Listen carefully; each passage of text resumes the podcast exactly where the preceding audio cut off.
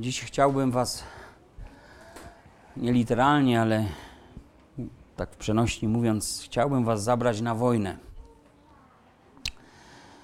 Wiem, że wszyscy chcemy pokoju, ale czasem jest tak, że nieprzyjaciel nie zamierza się zatrzymać. Nie jest możliwe, żeby zawrzeć z nim rozejm. Niemożliwy jest sojusz Bywa i tak, że nie bierze jeńców do niewoli, bo ten nieprzyjaciel przyszedł, żeby niszczyć, zarzynać, wytracać. Otwórzmy więc list do Efezjan, szósty rozdział. Przeczytajmy mm, od dziesiątego do dwudziestego wersetu. List apostoła Pawła do Efezjan.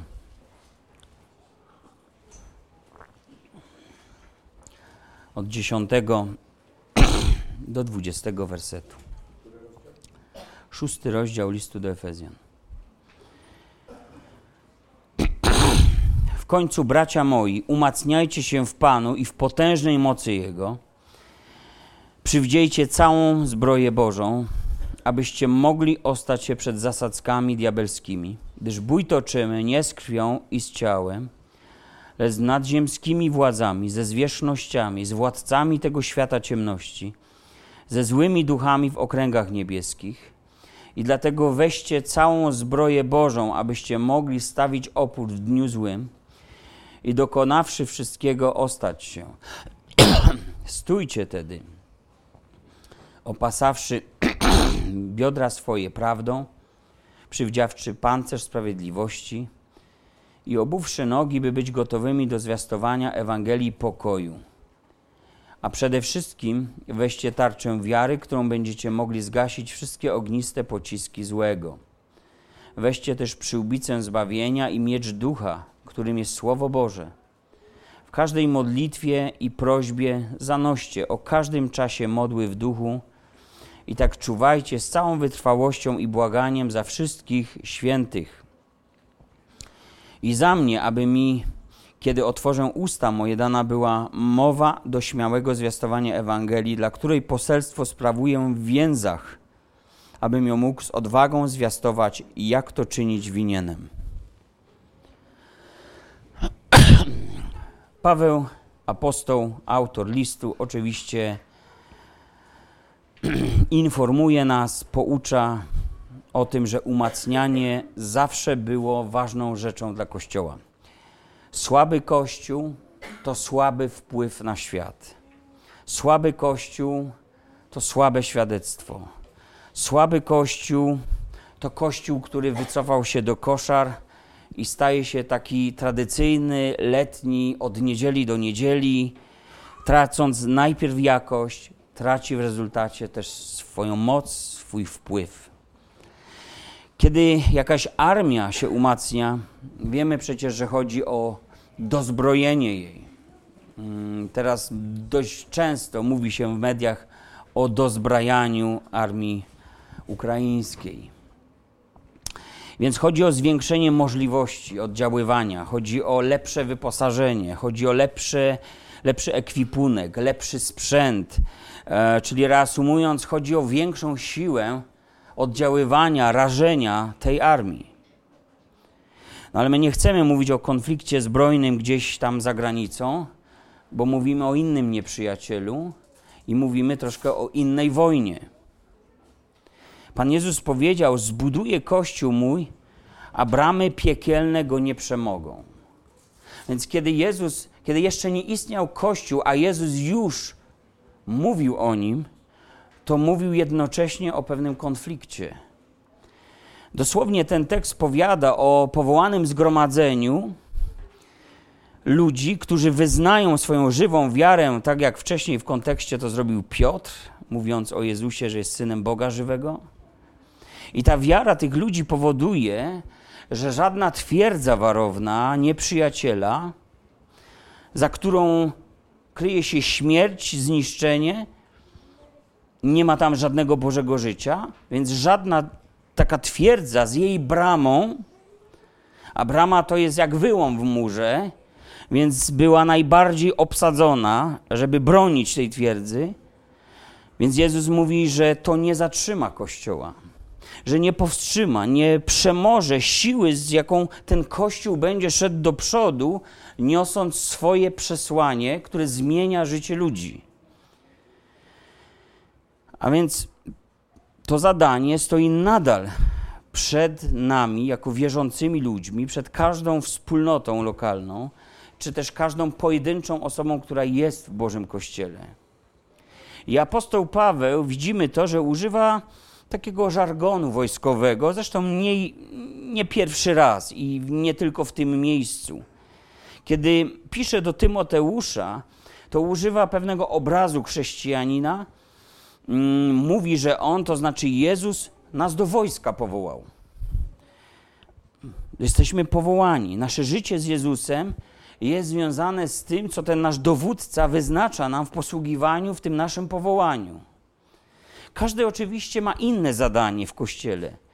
Mm, albo kościół jest taką wielką budowlą, albo powiedzielibyśmy, że jest taką szeroką linią frontu z flankami e, i różnymi mm, potrzebnymi rzeczami, aby po prostu tą walkę wygrywać. Wszystkie zadania w kościele są ważne. Ktoś mówi kazanie, ktoś inny przygotowuje pieśń, ktoś ją wykonuje, ktoś przyniesie szklankę wody, ktoś posprząta, ktoś coś naprawi, ktoś pomoże w czymś, że inni z tego skorzystają. Ktoś wyjdzie na ulicę, zaprosić innych do kościoła, powiedzieć o Jezusie. Następny może udzielić pomocy, jak miłosierny Samarytanin. Inny sprawia, że, że dzięki technologii ta wieść może się utrwalić, a więc ktoś, kto był chory, może tego odsłuchać. Ktoś, kto nie jest tu, też może usłyszeć. Zobaczcie, każdy jest na swoim odcinku bardzo potrzebny. W Starym Testamencie budowano mur. Brak muru to była hańba dla Jerozolimy, więc po niewoli babilońskiej, kiedy przyszli pierwsze, odbudowywali swoje świadectwo. Mur był ważny. I każdy miał ten swój odcinek, ten kawałek tej budowli. Ale tak łatwo było z perspektywy tego swojego odcinka nie widzieć, że się bierze udział w czymś wielkim, w czymś doniosłym, w czymś naprawdę ważnym. Wyobraźcie sobie, jak mogli się czuć ludzie, którym powierzono wybudowanie bramy śmietnisk. Wyobraźcie sobie, jak czuje się ktoś, kto po prostu jedynym zadaniem, jakie jego jest w jakimś zborze, jest na przykład wynosić śmieci. Taka osoba może powiedzieć, któregoś dnia się wypaliłam, wypaliłem. Ale zobaczcie, że patrząc inaczej, z innej perspektywy, to nawet to wyrzucanie śmieci było niezwykle ważnym elementem. Bo kiedy Jerozolima będzie miała swoje mury, to przecież utopi się w śmieciach. Ale była taka brama do wynoszenia ich na zewnątrz. A więc każdy, każdy najmniejszy odcinek jest bardzo ważny i musimy mieć właściwą perspektywę na to, co robimy w Bożym Kościele. Diabeł to jest ten Boży przeciwnik, zrobi wszystko, co możliwe, aby Kościół był słaby, aby w tym murze było jak najwięcej wyłomów, takich niedokończonych robót. A słabość Kościoła na jednym tylko odcinku to może być jak efekt domina jak obniżone morale na każdym innym posterunku. No bo dlaczego ja mam robić, skoro on, ona nie robi? Dlaczego ja mam to, skoro ktoś ma taką postawę do tego? Wiecie, tak bardzo wiele rzeczy można, można zrobić bądź nie zrobić. Kiedy okrążano inny mur, mur Jericha, sześć dni, to to była dziwna taktyka. I naprawdę można było szemrać i dyskutować, czy po prostu ten Jozue nie zwariował, prowadząc w taki sposób pierwszą bitwę o ziemię obiecaną. Okrążać miasto? Ale na siódmy dzień nie było nikomu do śmiechu na tych murach, jeśli nawet się zanosili od śmiechu, widząc, co, co wyprawia lud Izraela. Ale Bóg jedną rzecz przewidział. Powiedział, że ci ludzie przez sześć dni mają milczeć. Nie wolno mi było się nawet jednym słowem odezwać. Bo Pan Bóg wiedział, jaki jest człowiek, jakim tworem jesteśmy, że kiedy przychodzą sytuacje trudne, kryzysowe, to mamy bardzo dużo do powiedzenia Ale kiedy mają runąć mury nieprzyjaciela, to trzeba zamknąć usta. I taka, takie było przesłanie spod murów Jerycha. Podobne było spod murów, e, które budował Nehemiasz.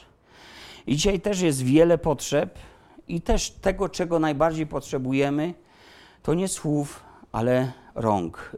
Na każdym odcinku rąk ludzi, którzy mają perspektywę nieba na Kościół, a nie perspektywę takiego małego odcinka, na którym człowiek pyta, a czemu ja? On wygląda jakby lepiej się do tego nadawał. Więc musimy być ostrożni, potrzebujemy być silni w Panu i tylko tak powołamy, podołamy swojemu powołaniu. Bóg więc postanowił nie zostawić nas bezbronnymi, ale chce dawać siłę.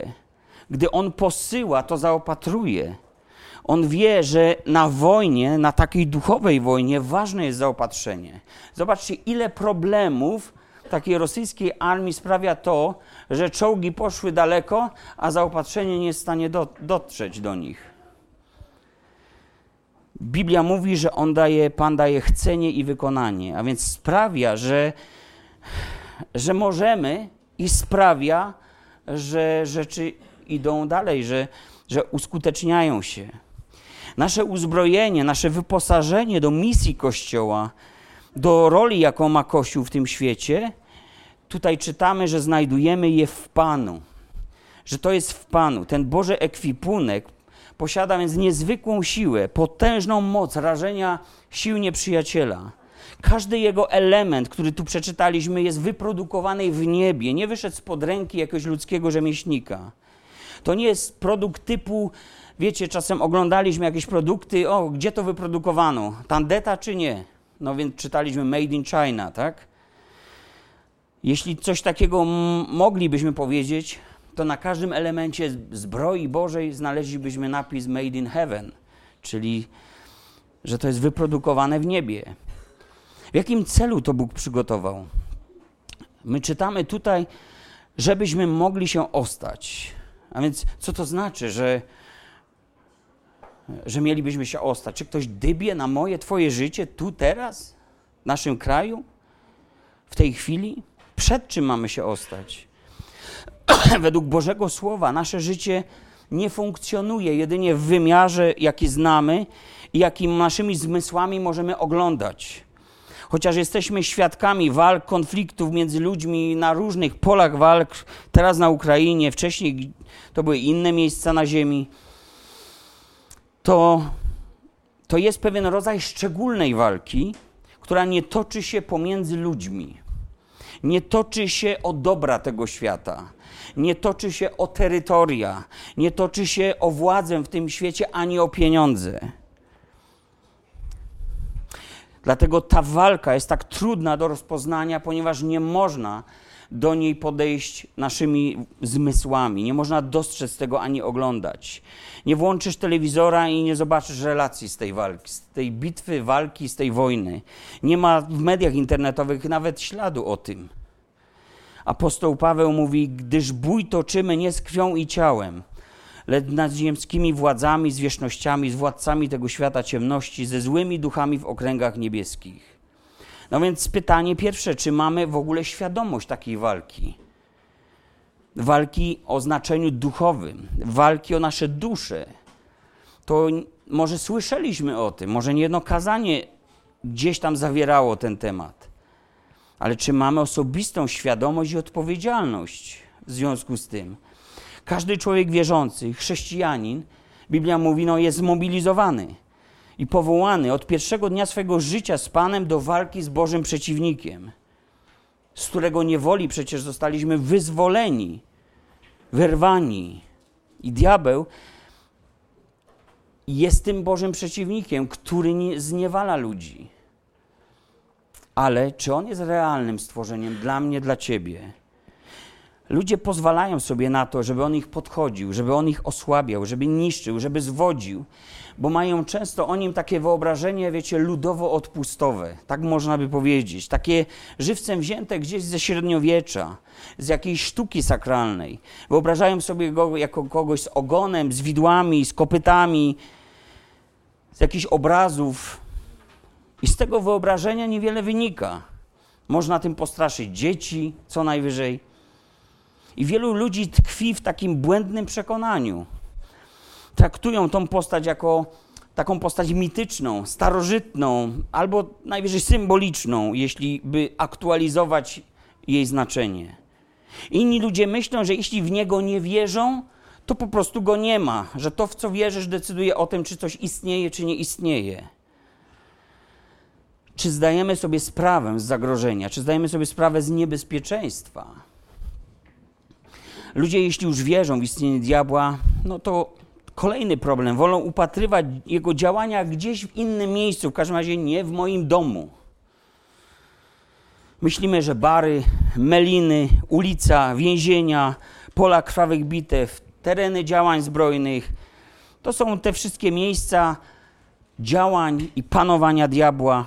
I nie zwracamy uwagi na to, że on chce swoje panowanie, swój tron ustawić także w miejscu, w którym ty mieszkasz, w którym jest twój dom, w którym jest twój kościół. W Księdze Objawienia Jezus do jednego ze zborów zwraca się takimi słowami: Wiem, gdzie mieszkasz, tam, gdzie jest tron szatana. A jednak trzymasz się mocno mego imienia i nie zaparłeś się wiary we mnie, nawet w dniach, kiedy Antypas, świadek mój wierny, został zabity u was, gdzie szatan ma swoje mieszkanie. Drugi rozdział, trzynasty werset. Zbór mieszkał tam, gdzie szatan postawił tron. Nie było tajemnicą, że w Smyrnie rozwijał się prężnie kult Zeusa. A więc był ołtarz Zeusza, nazywany tronem. Ciekawa jest historia tego ołtarza, bo on został e, wykupiony bodajże przed I wojną światową przez cesarza Niemiec e, od, z rąk e, tureckiego sułtana. Później po II wojnie oczywiście tak zwana trybun Zeppelin, w której Hitler przemawiał, a ludzie w amoku wiwatowali. To jest dokładnie kopia w pewnej skali tego tronu szatana. Później Stalin ją wywiózł do Leningradu. Szybko okazało się, że Stalina nie ma. Chruszczow pierwsze co zrobił, to spakował do pociągu tron szatana, wywiózł go z powrotem do Niemiec. Obecnie znajduje się w Muzeum Pergamonów w Berlinie.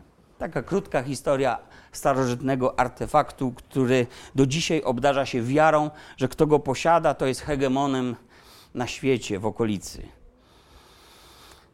A więc z tego powodu, że był tam taki ołtarz, było bardzo wiele problemów dla ludzi wierzących. Byli poddani presji społecznej, prześladowaniom, zagrożeniom, ostracyzmowi. To miejsce mówiło im jasno, że żyją tam, gdzie rozsiadł się diabeł. Jest tak wiele problemów, tak, taka walka duchowa o duszę. Więc czy my mamy świadomość tego, że diabeł może rozsiąść się bliżej niż e, chcielibyśmy go zaprosić? Czy my również mamy tą świadomość, że walka toczy się wokół nas, a nie gdzieś tam daleko? Wiecie, najwięksi taktycy wojny, Aleksander Wielki, Napoleon, Juliusz Cezar, Churchill, wszyscy byli zgodni co do jednego. Jeżeli o, uda się oszukać nieprzyjaciela, że działania zbrojne rozpoczynają się w zupełnie innym miejscu niż faktycznie nastąpią, to masz 50% zwycięstwa już w garści. Kiedy na przykład alianci w czasie II wojny światowej lądowali w Normandii, zrobili wszystko, co możliwe, żeby Niemcy myśleli, że inwazja rozpocznie się w innym miejscu. A więc było wiele fałszywych meldunków, koncentrowano loty zwiadowcze zupełnie w innym miejscu. Udało się. Dezinformacja była pierwszym zwiastunem i gwarantem późniejszego zwycięstwa. Podobnie zrobił to już geniusz, generał Montgomery w czasie kampanii w Afryce Północnej z, z takim rasowym weteranem Afrika Corps. Wiecie co zrobili? Ustawili masę makiet zwykłych tekturowych czołgów. Z wysoka wyglądały po prostu jak prawdziwe. A więc w ten sposób oszukał lisa pustyni. Tak go nazywano, tego, tego drugiego generała, który rządził całą Afryką Północną. A więc oszustwo, dezinformacja. My z tym mamy do czynienia także dzisiaj w przestrzeni publicznej. Dezinformacja ma także dzisiaj ogromne znaczenie, tak jak w każdej wojnie. W duchowej walce także o to chodzi. żeby cię oszukać, żeby cię zwieść, żebyś nie myślał, że jest jak jest. Jeśli diabłu uda ci, oszukać cię, abyś myślał, że walka nie toczy się o twoją duszę, albo że to złoto nie jest wcale takie złoto, może nawet jest trochę dobro, albo że jednak jest to walka z krwią i ciałem, bo ten brat, bo ta siostra, bo to tam on coś tam powiedział, nie powiedział, zrobił, nie zrobił. Jeżeli diabłu uda ci się to zrobić, to nie będziesz myślał o swojej duszy. Będziesz toczył walkę, która nie jest walką dla ciebie. Diabeł też może uśpić całą armię, cały zbór, cały kościół. Skoro ludzie to potrafią zrobić, dlaczego mielibyśmy sądzić, że diabeł tego nie potrafi, że się nie zna na tym? On jest weteranem wojennym. Walczy o dusze ludzkie od tysięcy lat. Zatem podsumowując ten werset, nie z krwią i ciałem walczysz. Brat, siostra nie jest Twoim przeciwnikiem. Walczymy z nadziemskimi władzami, z duchami ciemności. Jak każdy człowiek, wiadomo, chcemy pokoju, ale ten wróg jest agresorem, on się nie zatrzyma. Do końca nie zatrzyma się. I nie ma znaczenia, czy masz ochotę z nim walczyć, czy masz ochotę się bronić. Wiecie, znowu jakaś tam historia z II wojny światowej, chociaż coraz więcej mamy historii współczesnych. Atak na Pearl Harbor był przekazany w takim epickim obrazie, nawet filmie nakręconym parę naście czy parę lat temu. Jak to możliwe, że ci ludzie wszyscy zostali tak zaskoczeni, że kilka tysięcy marynarzy po prostu razem ze swoimi okrętami spoczęło na dnie? Otóż została uśpiona cała armia. Prowadzono niby jakąś dyplomację, która kolej też usypiała ludzi, a Japończycy w postaci turystów po prostu sobie chodzili po dokach, po portach na Hawajach i robili sobie zdjęcia, sweet focie e, ówczesne. A potem przekazywali informacje dokładnie o lokalizacji obiektów wojskowych, portów, okrętów, miejsc stacjonowania, zgrupowań, koszar. I wszystko to rozpoznał wróg i tam uderzył. A później, kiedy radary, na radarach pojawiły się dziesiątki samolotów, to mając za sobą taką dezinformację, w tej stacji radiolokacji uznali, że to są manewry naszych sił.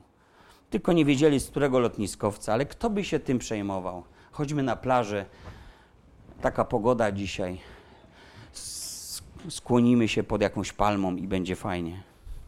A więc pytanie jest, co jest z nami? Czy śpimy, czy czuwamy? Paweł zaznacza, że diabeł stosuje zasadzki. To też jest ważna informacja bo on prowadzi wojnę nie otwartą, ale taką podjazdową, partyzancką. Prowadzi wtedy taką wojnę wróg, kiedy walczy z kimś większym, z kimś silniejszym. Chodzi o zaskoczenie, na pewno też. Ale zobaczcie, co mówi Biblia. Mówi, że Bóg jest większy od diabła i nigdy nie będzie inaczej. Biblia mówi: Ten, który jest w Was, większy jest niż ten, który w świecie jest. 1 Jana, 4 rozdział, 4 werset. A Jakub powiada, dlatego poddajcie się Bogu, przeciwstawcie się diabłu, a ucieknie od was. Zbliżcie się do Boga, a zbliży się do was. I te teksty uświadamiają nam o dwóch rzeczach. Po pierwsze, że chodząc w bliskiej więzi z Bogiem, jesteśmy zabezpieczeni. Jesteśmy zwycięzcami, bo mamy plecy. To jest tak, jakbyś chodził do pierwszej klasy podstawówki, ale masz brata w piątej klasie, takiego prawdziwego, wiecie, e, bodyguarda, że ci w pierwszej klasie nikt nie podskoczy w szkole, bo ty masz w tej piątej czy ósmej klasie brata. My mamy kogoś więcej niż kogoś takiego. Po drugie, diabeł każdego dnia będzie szukał okazji, by sprawdzić, czy chodzimy z Bogiem. A więc musimy sobie zdawać sprawę, że on zrobi wszystko, co możliwe, aby znaleźć taką okazję, gdzie będziemy sami. To jest trochę tak jak sprawdzanie systemu reagowania zagrożenia. Przez kilka lat ciągle w Europie było słychać o tym, że Rosja sprawdza system reagowania w Europie. Jak reagujemy na naruszanie przestrzeni powietrznej i tak dalej. Było mnóstwo takiej informacji. Diabeł też, Biblia mówi, chodzi jak lew ryczący i szuka i patrzy, kogo by pochłonąć. Sprawdza, testuje, ciągle próbuje. Nie spocznie, póki nie znajdzie czegoś na ciebie. Bóg powiedział do człowieka: Prochem jesteś. To zaraz po upadku Adama i Ewy. Powiedział: Prochem jesteś i w proch się obrócisz. Ale do diabła powiedział: Prochem żywił się będziesz. Będziesz pełzał po ziemi i prochem żywił się będziesz. I oczywiście patrzymy na to literalnie, ale spójrzcie na pewną, pewien ładunek duchowy tego, tej informacji. Oczywiście mówiąc obrazowo, że diabeł prochem żywić się będzie, a my jesteśmy z prochu ziemi i w proch się obrócimy. Cały czas będzie kąsał, cały czas będzie nachodził, cały czas będzie testował, próbował, zabijał, zażynał, niszczył i swój jad e, przekazywał. Idąc dalej w naszym tekście, cały ten wojskowy język posłużył Pawłowi za cel, aby przypomnieć nam, że toczy się wojna. Nie gdzieś tam na Ukrainie, w Syrii czy na innych frontach. To jest wojna tutaj. To jest wojna o Twoją duszę. Walka nie toczy się jednak wszędzie, gdzie myślimy, ale toczy się tam, gdzie człowiek chce naprawdę chodzić z Bogiem. Po cóż diabeł miałby walczyć w miejscach, które są pogrążone w ciemności? To są Jego miejsca, Jego miejsca panowania. Ale prawdziwa wojna zaczyna się na styku ciemności ze światłością. Tam jest prawdziwe zmaganie. Tam, gdzie wypowiadasz posłuszeństwo temu uzurpatorowi, tam przychodzą do Twojego życia problemy. Tam, gdzie stajesz po stronie Jezusa, tam przychodzą do Twojego życia problemy. Tam, gdzie chcesz żyć jako wolny człowiek, bo Biblia mówi: Poznacie prawdę, a prawda was wyswobodzi. Więc jeśli chcesz żyć w taki sposób, tam przychodzi tyrania z powrotem. Drugi Tymoteusza list, trzeci rozdział, dwunasty werset mówi nam: Tak jest wszyscy, podkreślam, Paweł mówi wszyscy, którzy chcą żyć pobożnie w Chrystusie Jezusie, prześladowanie znosić będą. Więc gdy chcemy żyć pobożnie, staramy się po prostu żyć z Bogiem, by służyć Mu, by dać świadectwo prawdzie, że Jezus jest tym Panem naszym, to w naszym życiu może rozpocząć się walka, jakieś zmaganie, jakaś trudność. I to jest naturalna konsekwencja naszej postawy w tym świecie, że jesteśmy światłem, które zbliża się do zmroku. Lecz ciemność nie przemogła światłości, powiedział Jezus. I chcąc nie zostać pokonanym w tej wydawać by się mogło nierównej walce człowiek ma zrobić jedną rzecz: założyć całą zbroję Bożą. Nic nie musisz kupować, nic nie musisz nabyć. Masz to po prostu gotowe, masz to założyć. I bez tego Bożego ekwipunku czytamy, że nie ostoimy się, nie ostoisz się. Bóg po prostu wie, jak walczy diabeł. Biblia mówi, jego zamysły są nam znane. Zatem daje ci najlepsze wyposażenie, jakie istnieje, które pozwoli ci ostać się na każdym polu walki i zwyciężyć, przełamać opór przeciwnika. Może dzisiaj wydaje się, że przecież jeśli jest gdzieś jakiś problem, to tam na wschodzie nam żyje się całkiem jeszcze przyjemnie, e, że dajemy radę, że w miarę wychodzi nam to chrześcijaństwo, ale pomyślmy, czy ostoimy się, gdy przyjdzie zły dzień, taki jak tam. na Ukrainie przyszedł zły dzień. Te wojska zaatakowały, wydaje się, suwerenne państwo, no zawsze będące pod jakimiś wpływami, ale suwerenne. I stało się to nagle. Do końca ludzie wierzyli, że to jest blef Putina. A Putin wierzył, że Zachód też blefuje. No i tak nie rozpoznali się wzajemnie, i po prostu z tego blefu wyszło to, co jest. Przyszedł zły dzień dla ludzi. I w wojnie z diabłem też taki może przyjść. I Bóg chce, abym nosił tą zbroję, bo z nienacka może przyjść jakieś zło. Zwróćcie uwagę, Pan Jezus opowiedział kiedyś historię o dwóch ludziach, którzy budowali swój dom. Jeden na piasku, drugi na skale. Różnica w tych domach istotna, w fundamencie ta różnica się znajduje. Jeden wydawałoby się, że mógł wybudować swój dom szybko, no bo budował z, z takich materiałów, w których na pewno można łatwo i tanio wystawić dom. Odnoszę się tu do słów apostoła Pawła, który również mówi o budowaniu i mówi o tym, że są różne materiały do budowania: słoma, siano, drewno, ale możesz budować z kosztownych kamieni ze złota. A więc może wybudował ten dom z lichych materiałów, bez fundamentu, tak na szybko. I przyszedł zły dzień, uderzyły weń wiatry, burze, ulewne deszcze i dom na piasku runął po prostu. Jak domek z kart się przewrócił. Ale ten drugi budował dom na skalę i ten dom się ostał. I to jest takie trudne, i to jest takie wyzwanie, i to jest taka duchowa walka w czasach takich dobrych, w czasach takiego dobrobytu, takiej prosperity, żeby pamiętać, co jest skałą w moim życiu Jaki jest fundament w moim życiu? Tak łatwo się przestawić na inne tory, na inne fundamenty. Z konsekwencją, niestety, w dniu złym tragiczną.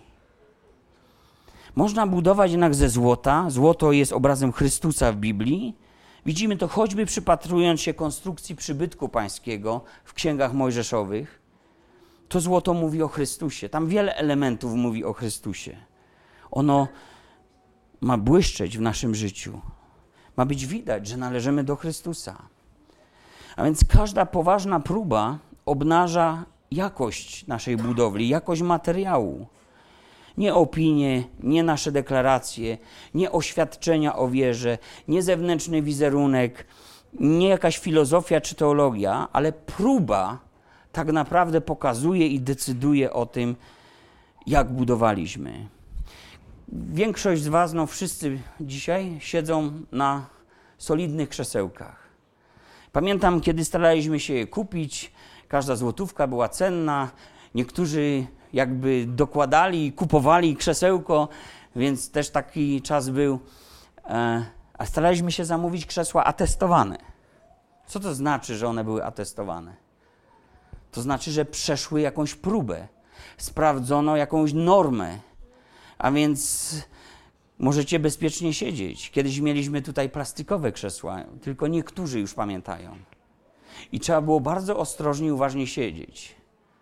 Próba spania na nabożeństwie, gdzie ci głowa poleciała, mogła skończyć się złamaniem nóg krzesła. I niektórzy, tak co trzecie nabożeństwo, co czwarte, po prostu ktoś spadł z krzesła i złamał je.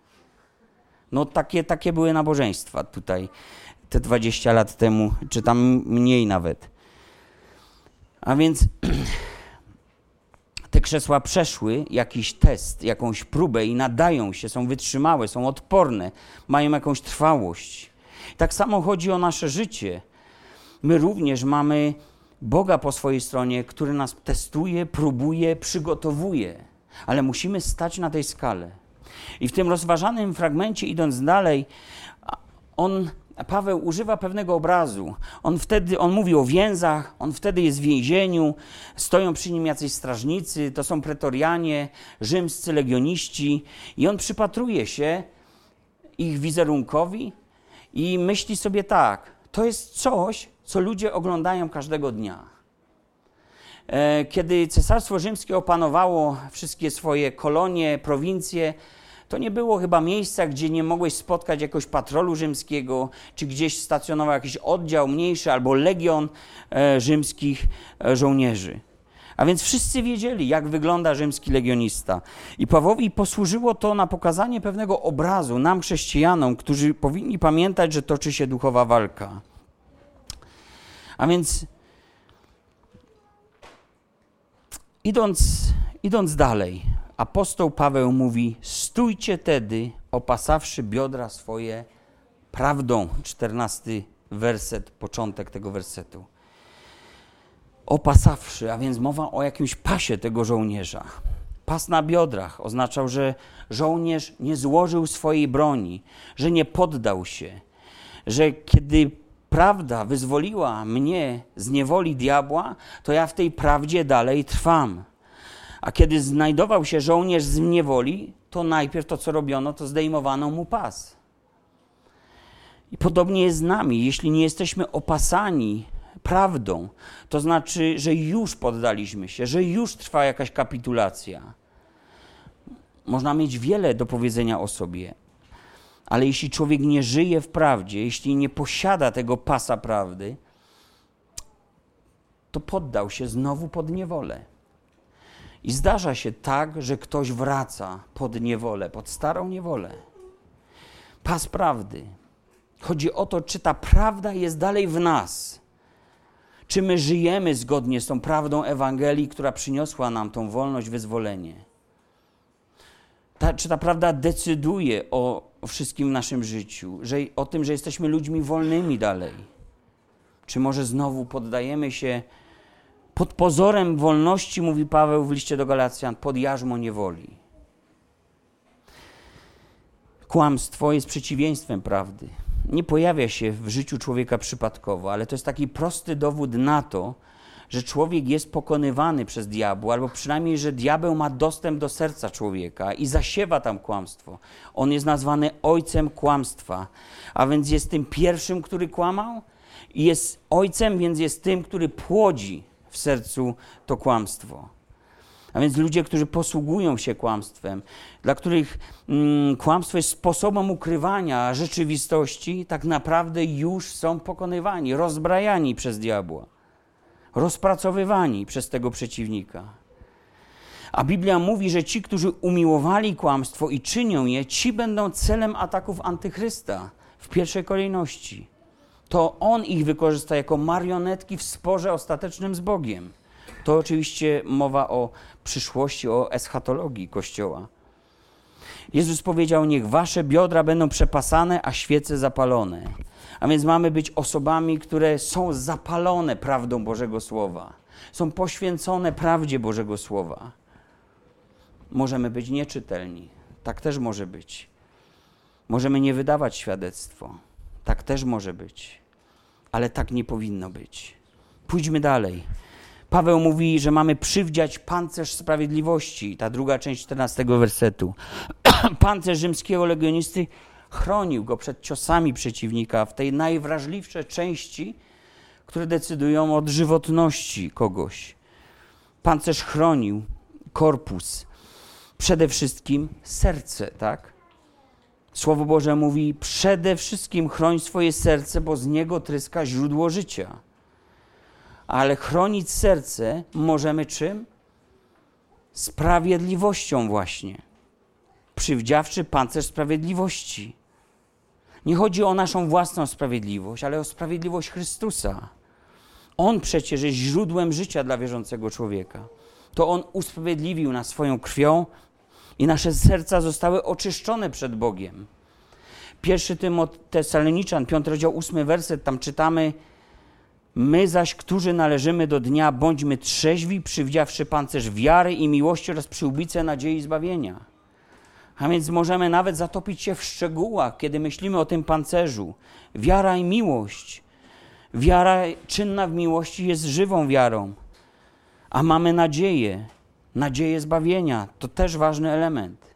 Wiara oznacza, że nie polegasz na sobie, że nie oceniasz swego życia z perspektywy własnych uczynków, własnego dobra, ale patrzysz na to, co uczynił dla Twojego życia Bóg przez Jezusa Chrystusa. Wiara oznacza, że chodzisz z Bogiem, że nie zaniedbujesz swojego życia w tym, że nie opuszczasz się w tym. Wiara to nie jest wiedza, to nie jest to, co wiesz o Bogu. Kościoły są pełne dzisiaj opowieści o Bogu, ale kościoły cierpią na deficyt doświadczania Boga. Chodzi o ludzi, kiedy mówię o Kościół, nie o budynki, nie o denominacje, nie o instytucje. Czy masz swoje doświadczenia z Bogiem? Czy kiedy dzień leci, czy ty odczytujesz jakieś te chwile, które masz z Bogiem, że Bóg był tu, że Bóg ci pomógł, że Bóg cię wsparł, że Bóg to, Bóg tamto w twoim życiu? I potem koniec dnia i masz za co dziękować Bogu, początek dnia i masz o co prosić Boga. Czy masz coś takiego? Bo to jest wiara, to jest Twoje chodzenie z Bogiem. A nie no, robota, robota, robota. Wszyscy mamy robotę, wszyscy mają popachy i są urobieni dzisiaj. Chcesz tak przeżyć życie? No to będziesz miał nagrobek jak dla konia. Nikt tak z nas nie chce przeżyć życia. Żyjmy więc z Bogiem. Żyjmy z Bogiem i każda praca, każdy wysiłek ludzki nabierze jakiejś, jakiejś nowej, niezwykłej głębi w tym wszystkim, co się dzieje. Wiara to nie jest to samo, co wyznawanie credo w niedzielę, co śpiewanie pieśni. Czasem może nawet taka wiara nic nie dać. Jakub nazywa wiadomości o Bogu, nazywa martwą wiarą. Wiara to chodzenie z Bogiem, tak jak Henoch chodził z Bogiem. Tam i z powrotem, ciągle przy nim. Trzymał się Boga po prostu niewidzialnego, jak gdyby go widział. Zresztą to nie o nim napisano, ale przypisać to można wszystkim bohaterom wiary z listu do Hebrajczyków, gdzie są oni wymienieni. A więc co możesz robić? Księga Michała, jeden werset. Oznajmiono ci człowieku, co jest dobre i czego Pan oczekuje od ciebie. Tego byś stosował prawo, kochał łaskę i pokornie chodził z Twoim Bogiem. Czy to wiele? Bardzo niewiele. Pójdźmy dalej. Piętnasty werset. I obuwszy nogi, by być gotowymi do zwiastowania Ewangelii pokoju. Założone obuwie pozwala nam po prostu w każdej chwili wyjść z domu, prawda? To obuwie duchowe, jeśli tak popatrzymy, i gdy mamy je założone, pozwala nam na gotowość w niesieniu Ewangelii, która jest nazwana Ewangelią pokoju. Bez obuwia rzymski żołnierz nie mógłby wypełnić zadania. Kiedyś przyjechał tu pewien brat i pokazywał nam takie sandały rzymskiego legionisty. Nie wiem, czy to tu było, czy w Ruptawie już. Gdzie po prostu no, e, otwarto mu całą walizkę na lotnisku i znaleziono taki sandał żołnierza rzymskiego. on tam po prostu nabił takie bolce, takie gwoździe do tego sandału sandały rzymskich legionistów miały takie kolce, może jak trochę korki piłkarskie, gdzie ten rzymski legionista mógł się zaprzeć i mógł nie dać pola już przeciwnikowi i mógł iść dalej do przodu. A więc to takie niezwykłe było, było obuwie, które pozwalało na każdym gruncie walczyć, nawet w grząskim błocie. Kiedy inni się przewracali, rzymski legion ciągle stał i trwał na polu walki ale czasem jest tak, że chodzimy bez obuwia w życiu. I chodzenie bez obuwia przypomina takie bardzo koncentrowanie się na sobie. No bo jeżeli wyjdziesz stąd bez obuwia i dojdziesz do domu, to twoje nogi będą poranione. Będziesz czuł każdy kamyczek, każde wyboje, każdy kawałek czegoś ostrego poczujesz. I właśnie to mówi mi o tym, że kiedy nie mam tego obuwia, to po prostu zaczynam być skoncentrowany na swoim życiu, tylko na sobie żeby przejść przez to życie tak, żeby mnie nic nie bolało, żeby był komfort, żeby nie stracić nic na tej wygodzie mojej. E, oj, żeby mnie jeszcze chcieli ukrzyżować, no to chociaż został męczennikiem, ale dzisiaj, czy kogoś tu się krzyżuje za wiarę w naszym kraju albo w Europie? W Europie czy u nas można zostać co najwyżej wyszydzonym, wyśmianym, zepchniętym na margines, można znaleźć się na czyichś językach. Sąsiedzi mogą ci przyprawić coś tam. I to jest takie ciekawe socjologiczne odkrycie, bo mówi nam, że niestety dzisiaj ludzie bardziej obawiają się wykluczenia społecznego niż literalnego ukrzyżowania. To jest tragedia naszych czasów. W naszych czasach ludzie są bardziej skoncentrowani na sobie, są tak szybko rozdrażnieni, tak szybko obrażalscy, tak szybko też przestraszeni, Mm, szybcy, by coś mówić, szybcy, by kogoś osądzać. Wszystko dzieje się u nas szybko. Szybko też tracimy pokój. Szybko tracimy pokój. A gdy wierzący tracą pokój, są niezdolni, by zanieść Ewangelię pokoju. Kiedy jesteśmy niezdolni, by nieść Ewangelię pokoju? Kiedy to jest? Wtedy, gdy w swoim sercu nie mam pokoju. Jezus daje pokój. W naturze Boga jest wpisany pokój. Biblia mówi, że to jest Bóg pokoju. Jeśli ja tą dobrą nowinę przyniosę innemu człowiekowi, nie mając pokoju w swoim sercu, to będzie to wyglądało tak, jakby łysy miał zamiar odnieść sukces w handlu grzebieniami. To się nie może udać.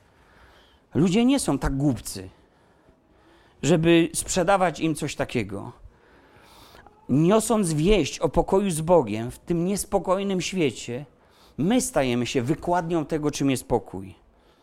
O czym w ogóle mówimy. A więc muszę zadbać o to, by w moim życiu w, w, tutaj był pokój. I tutaj był pokój. By ludzie mogli widzieć też we mnie, o czym ja do nich mówię.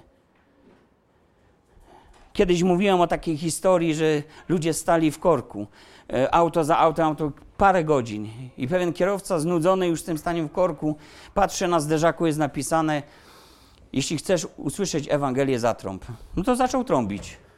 Tamten wyskoczył na niego, sprzezywał go, co on to robi. Nie widzisz, chłopie, że w korku stoję? Mówi, słuchaj, ja tylko zobaczyłem napis. Chcesz usłyszeć Ewangelię, zatrąb. Ale wiesz co? Ja już tej Ewangelii twojej nie chcę. Ja już wiem, jak ona wygląda. A idąc, głoście wieść, mówi Jezus, przybliżyło się Królestwo Niebios a do któregokolwiek miasta lub wioski wejdziecie, dowiadujcie się, kto jest w nim godzień. I tam pozostańcie aż do swojego odejścia. A wchodząc w dom, pozdrówcie go. A jeśli to dom godzień, niech stąpi nań pokój wasz. A gdyby nie był godzień, niech pokój wasz wróci do was.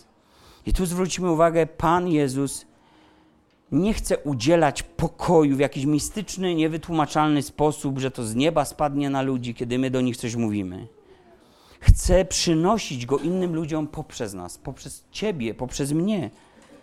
To jest sam pokój, ten sam pokój, jaki On darował nam w Chrystusie. On ma spocząć na innych osobach, kiedy słyszą to przesłanie Ewangelii.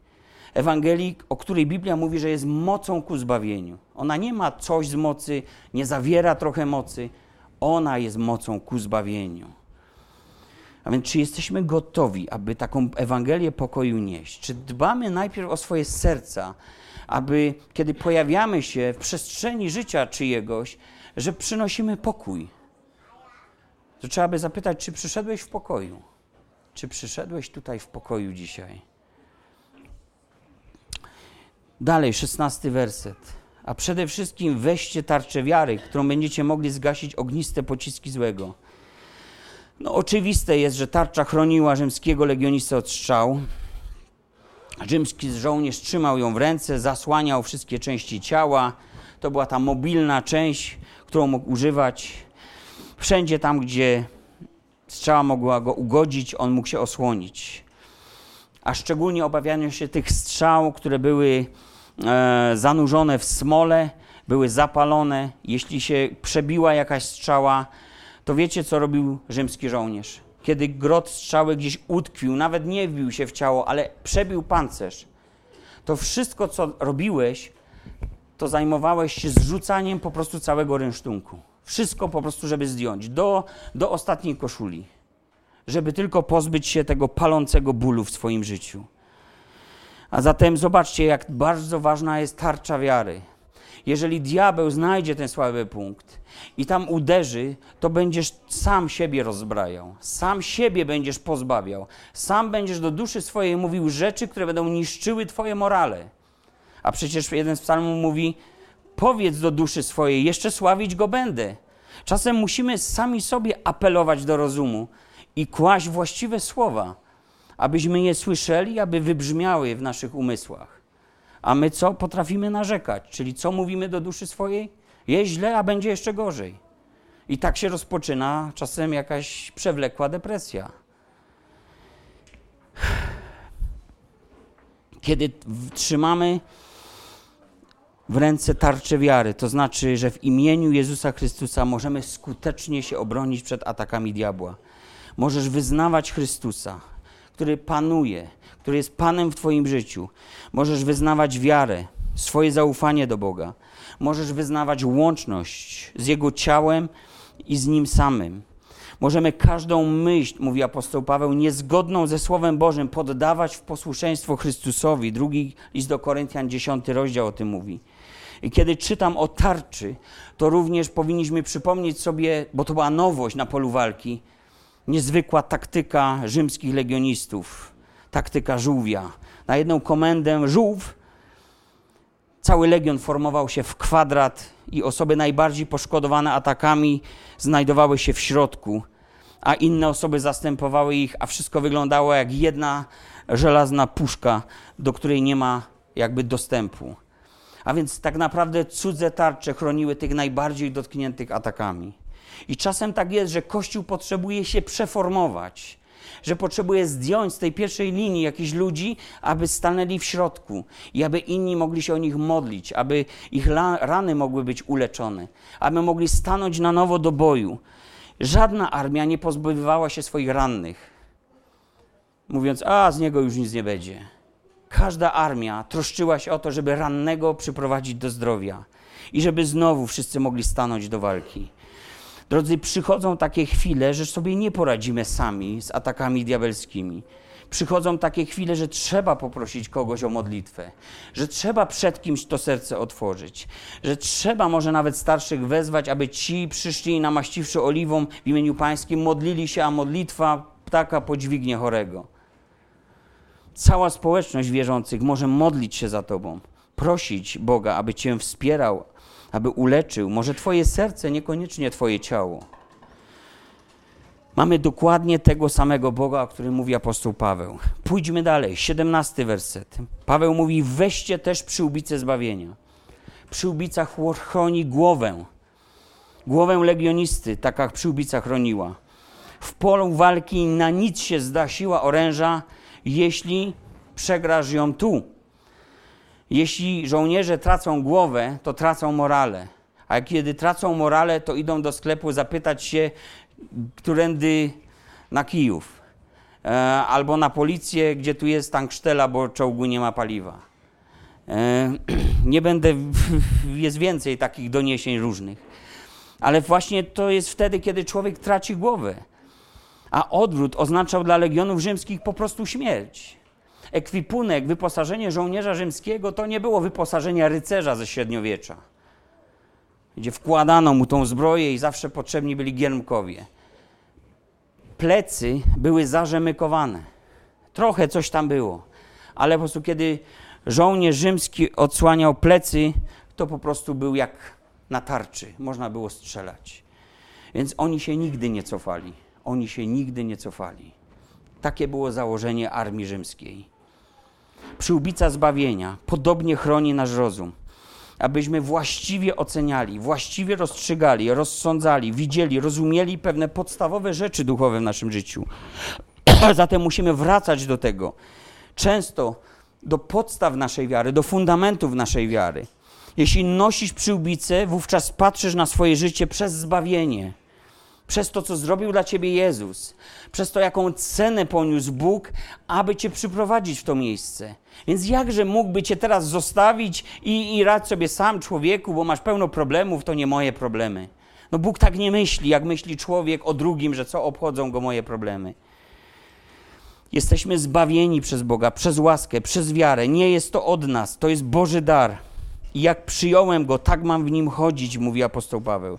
I skoro to wszystko uczynił Pan, możemy z Nim chodzić, wiedząc, że całe nasze zbawienie nie miałoby sensu, gdyby opierało się na naszych możliwościach, naszych odpowiedziach dla Boga, na naszych siłach, na tym, co my mamy do zrobienia, na tym, co my możemy, co chcemy. Pierwszy Piotra, 5 rozdział, 10 werset. A Bóg wszelkiej łaski, który was powołał do wiecznej swej chwały w Chrystusie, po krótkotrwałych cierpieniach waszych, sam was do niej przysposobi, utwierdzi, umocni na trwałym postawi gruncie. Sam, sam to Pan Bóg potrafi zrobić. Ty tylko załóż tą zbroję i noś ją i zachowuj się jak żołnierz. Dlatego Paweł nazwał w innym liście tą przyłbicę też z przybicą nadziei, ponieważ ci wszyscy żołnierze mieli cały czas nadzieję, mieli tą pewność, że ich generał, ich dowódca to jest geniusz taktyki. On poprowadzi ich do boju i do zwycięstwa. Tak mamy myśleć o Bogu, o Chrystusie. Idziemy dalej. Druga część 17 wersetu. Weźcie miecz wiary, którym jest Słowo Boże. Dotąd wszystkie elementy zbroi miały chronić, miały bronić się przed najeźdźcą, ale teraz czytamy o możliwości pokonaniu wroga, możliwości zrobienia kroku do przodu. Miecz w rękach legionisty to był szczególny oręż. Wszystkie obce wojska bały się tego oręża. Ten miecz nazywał się gladius. Krótki miecz, świetnie wyważony, lekki, pasujący do ręki, o ostrym zakończeniu umożliwiał atakowanie niezależnie od ruchów ramienia. W związku z tym była to bardzo szybka broń obosieczna. Coś jak porównanie strzelby do karabinu maszynowego w czasach starożytnych. Takim mieczem nazwane jest słowo Boga. I ludzie, którzy nie znają słowa, nie znają jego możliwości, nie znają jego mocy, sprowadzają jej do, go do czytania książki, na co nie zawsze jest czas, po prostu tak naprawdę nie rozumieją, jaki oręż tracą. Nie potrafią używać słowa w duchowej walce. Potrafią sobie poczytać, ale użyć go nie mają po prostu tej umiejętności. Nie są przeszkoleni w tym, może też trzeba tak powiedzieć. Bo nigdy nie poświęcili należytego czasu, żeby władać dobrze tym mieczem. Może też nie dzielimy się świadectwami, które pozwalają nam widzieć, jak Słowo Boże pomaga nam w różnych zmaganiach. A więc jedni od drugich nie przekazują tej wiedzy. Weterani nie przekazują wiedzy tym, którzy się powinni uczyć. To może jest inny jeszcze problem. Ten miecz jest najskuteczniejszą bronią, gdy nieprzyjaciel jest blisko mnie, blisko ciebie. Gdy jesteś atakowany, osaczony, nie tylko możesz trwać, mając cały ekwipunek bojowy od Boga, ale też możesz, oprócz osłaniania się tarczą, zadać cios. A więc wypowiedzieć słowo Boga nad Twoim życiem, nad życiem kogoś innego. A Biblia mówi, że słowo Boga nie wraca się puste, ale wykonuje tą pracę, z jaką Bóg go wysyła. Słowo Boże jest orężem Boga. Księga Objawienia mówi, że z ust Jego wychodzi ostry miecz. Oznacza to, że On potrafi dotknąć precyzyjnie, dotkliwie. Nie po to, żeby zabić, kiedy mówimy o ludziach, ale po to, żeby ich zbawić. Ale kiedy mówimy o diable, to Słowo Boże jest na niego jedynym batem nie święcona woda, nie te wszystkie głupoty ze średniowiecza, święte obrazki, amulety, jakieś tam e, włosy świętego tego czy tamtego, czy cokolwiek wymyślimy. Słowo Boże. Kiedy Jezus był kuszony na pustyni, diabeł używał też Słowa Bożego, ale wyrywał go z kontekstu. Jezus odpowiadał mu Słowem Bożym. A więc to jest bitwa na Słowo Boże. On też na Słowo Boże. Mieczem możesz się odciąć od ataków diabła. Mieczem możesz usuwać twierdze warowne diabła, ze swojej głowy przede wszystkim. Pytanie jednak brzmi, czy mamy ten miecz w swoich rękach? Czy czytamy Boże Słowo? Czy rozważamy Boże Słowo? Czy sięgamy do tych Bożych rad? Czy chwytamy się obietnic Słowa? Czy znamy je? Czy one są tutaj, dlatego Duch Święty może nam je przypominać, kiedy jesteśmy z daleka od, od możliwości sięgnięcia do Biblii? bo w pracy, bo w drodze, bo w sklepie czy gdziekolwiek. Słowo ma wszechstronną moc. Słowo przepatruje nasze życie, jest lustrem. Słowo widzi nasze serca. W Słowie możesz się przeglądać. Słowo może odkryć problem w Twoim życiu, którego nikt nie widzi, nawet Ty sam. Słowo nazywa rzeczy po imieniu, nie oszukać się, powie Ci jak jest, bo to przyjaciel. Ono pokaże Ci nawet chwilową słabość i wyjście z tej słabości. Słowo nazwie rzeczy po imieniu, powie, że coś jest grzechem, to będzie to grzechem. Słowo ma moc poprawiać, udzielać mi sił, rad, pokazać drogę do naprawy, jest wychowawcą prowadzącym do zwycięstwa, do Chrystusa, wszystkich ludzi, którzy go używają. To jest miecz Ducha Świętego.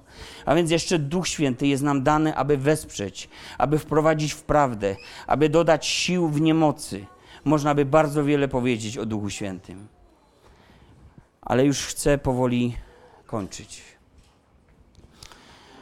W armii rzymskiej wszyscy byli jedno. Od tego zależało ich życie. Królestwo rozdwojone samo w sobie nie ostoi się, powiedział Jezus. My zaś, przywdziawszy tą zbroję od Boga, mamy się ostać.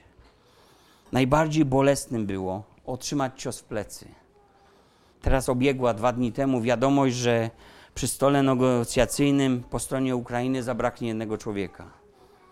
No, został rozstrzelany za zdradę ojczyzny, ponieważ okazało się, że był agentem i są, były na to dowody tej drugiej strony. Wiecie, to najbardziej boli, kiedy ktoś okazuje się agentem świadomym czy nieświadomym, czyli jak to mówią, e, rosyjskie media takim pożytecznym idiotą. W pewnym sensie apostoł Piotr, zanim, zanim miał tą moc z wysokości, bywało, że był takim pożytecznym idiotą. Apostoł Piotr mówi do Jezusa: Panie, no nie mów tak, no nie przyjdzie to na ciebie. Jaka śmierć? O czym ty mówisz? A Jezus mówi: Idź precz ode mnie, szatanie, bo nie myślisz o tym, co Boże, ale o tym, co ludzkie. Właśnie o tym mówię, że my czasem nieświadomie możemy wykonywać dzieła diabelskie. Możemy, nie znając Słowa Bożego, po prostu tak łatwo pozwolić, aby nasze usta klepały, co nie powinno wyjść z naszych serc. 20-30 lat. Tyle trwała służba w legionach rzymskich, w zależności od kontraktów. Jeśli człowiek wytrwał na polu walki, otrzymywał ziemię, otrzymywał dom, w którym mógł osiąść i odpocząć od trudów walk. Tym dla nas, dla naszego życia jest powrót do domu Ojca, do niebieskiego domu. I tam będziemy mogli radować się wytchnieniem. Tam nie będzie znoju, trudu, bólu, ani łez, żadnego pola walki, żadnej krwi, żadnych tragedii ludzkich, żadnych zburzonych domów. Tam każdy wytchnie od dzieł swoich, jak Bóg odpoczął od swoich. To jest to odpocznienie, o którym mówili z Hebrajczyków, że jeszcze nas czeka, jeszcze pozostaje odpocznienie dla ludu Bożego. Jeśli mamy tą całą zbroję, w jednej ręce tarczę, w drugiej miecz, ostoimy się. Nie mam zwartwienia o nikogo z was ani o siebie. Ostoisz się, bracie, siostro. A póki co Paweł kończy modlitwą. Prosi o modlitwę, aby jeśli to będzie możliwe, kiedy otworzy usta, aby dana mu była mowa taka śmiała do zwiastowania Ewangelii. On też był w takich sytuacjach, że go mogą wyśmiać, że go mogą źle potraktować. Więc módlmy się o to, jedni za drugimi, módlmy się, trwajmy w modlitwach. Paweł o to zabiegał, my też powinniśmy. Módlmy się nawzajem, abyśmy tą Ewangelię mogli przekazać, jeśli będzie trzeba otwierać usta, ale lepiej, żebyśmy mogli ją pokazać. To jest bardzo komfortowa sytuacja, kiedy ludzie pytają w niezrozumieniu i dlaczego, i jak to możliwe, że ty tak się zachowujesz, że ty tak robisz, że co tobą powoduje. Także niech Bóg pozostawi w tych naszych sercach, umysłach dzisiejsze słowo, abyśmy mieli tą świadomość. Kiedy włączysz telewizor i zobaczysz znowu, czy tam otworzysz internet, zobaczysz znowu nagłówek wojna w Ukrainie, to pomyśl przez chwilę, że wojna duchowa toczy się tu i teraz, a nie tylko tam gdzieś tysiąc, dwa kilometrów od ciebie. Niech Pan Bóg pobłogosławi swoje słowo. Zachęcam do modlitwy. Zaśpiewajmy pieśń wspólnie, potem pomódlmy się. Amen.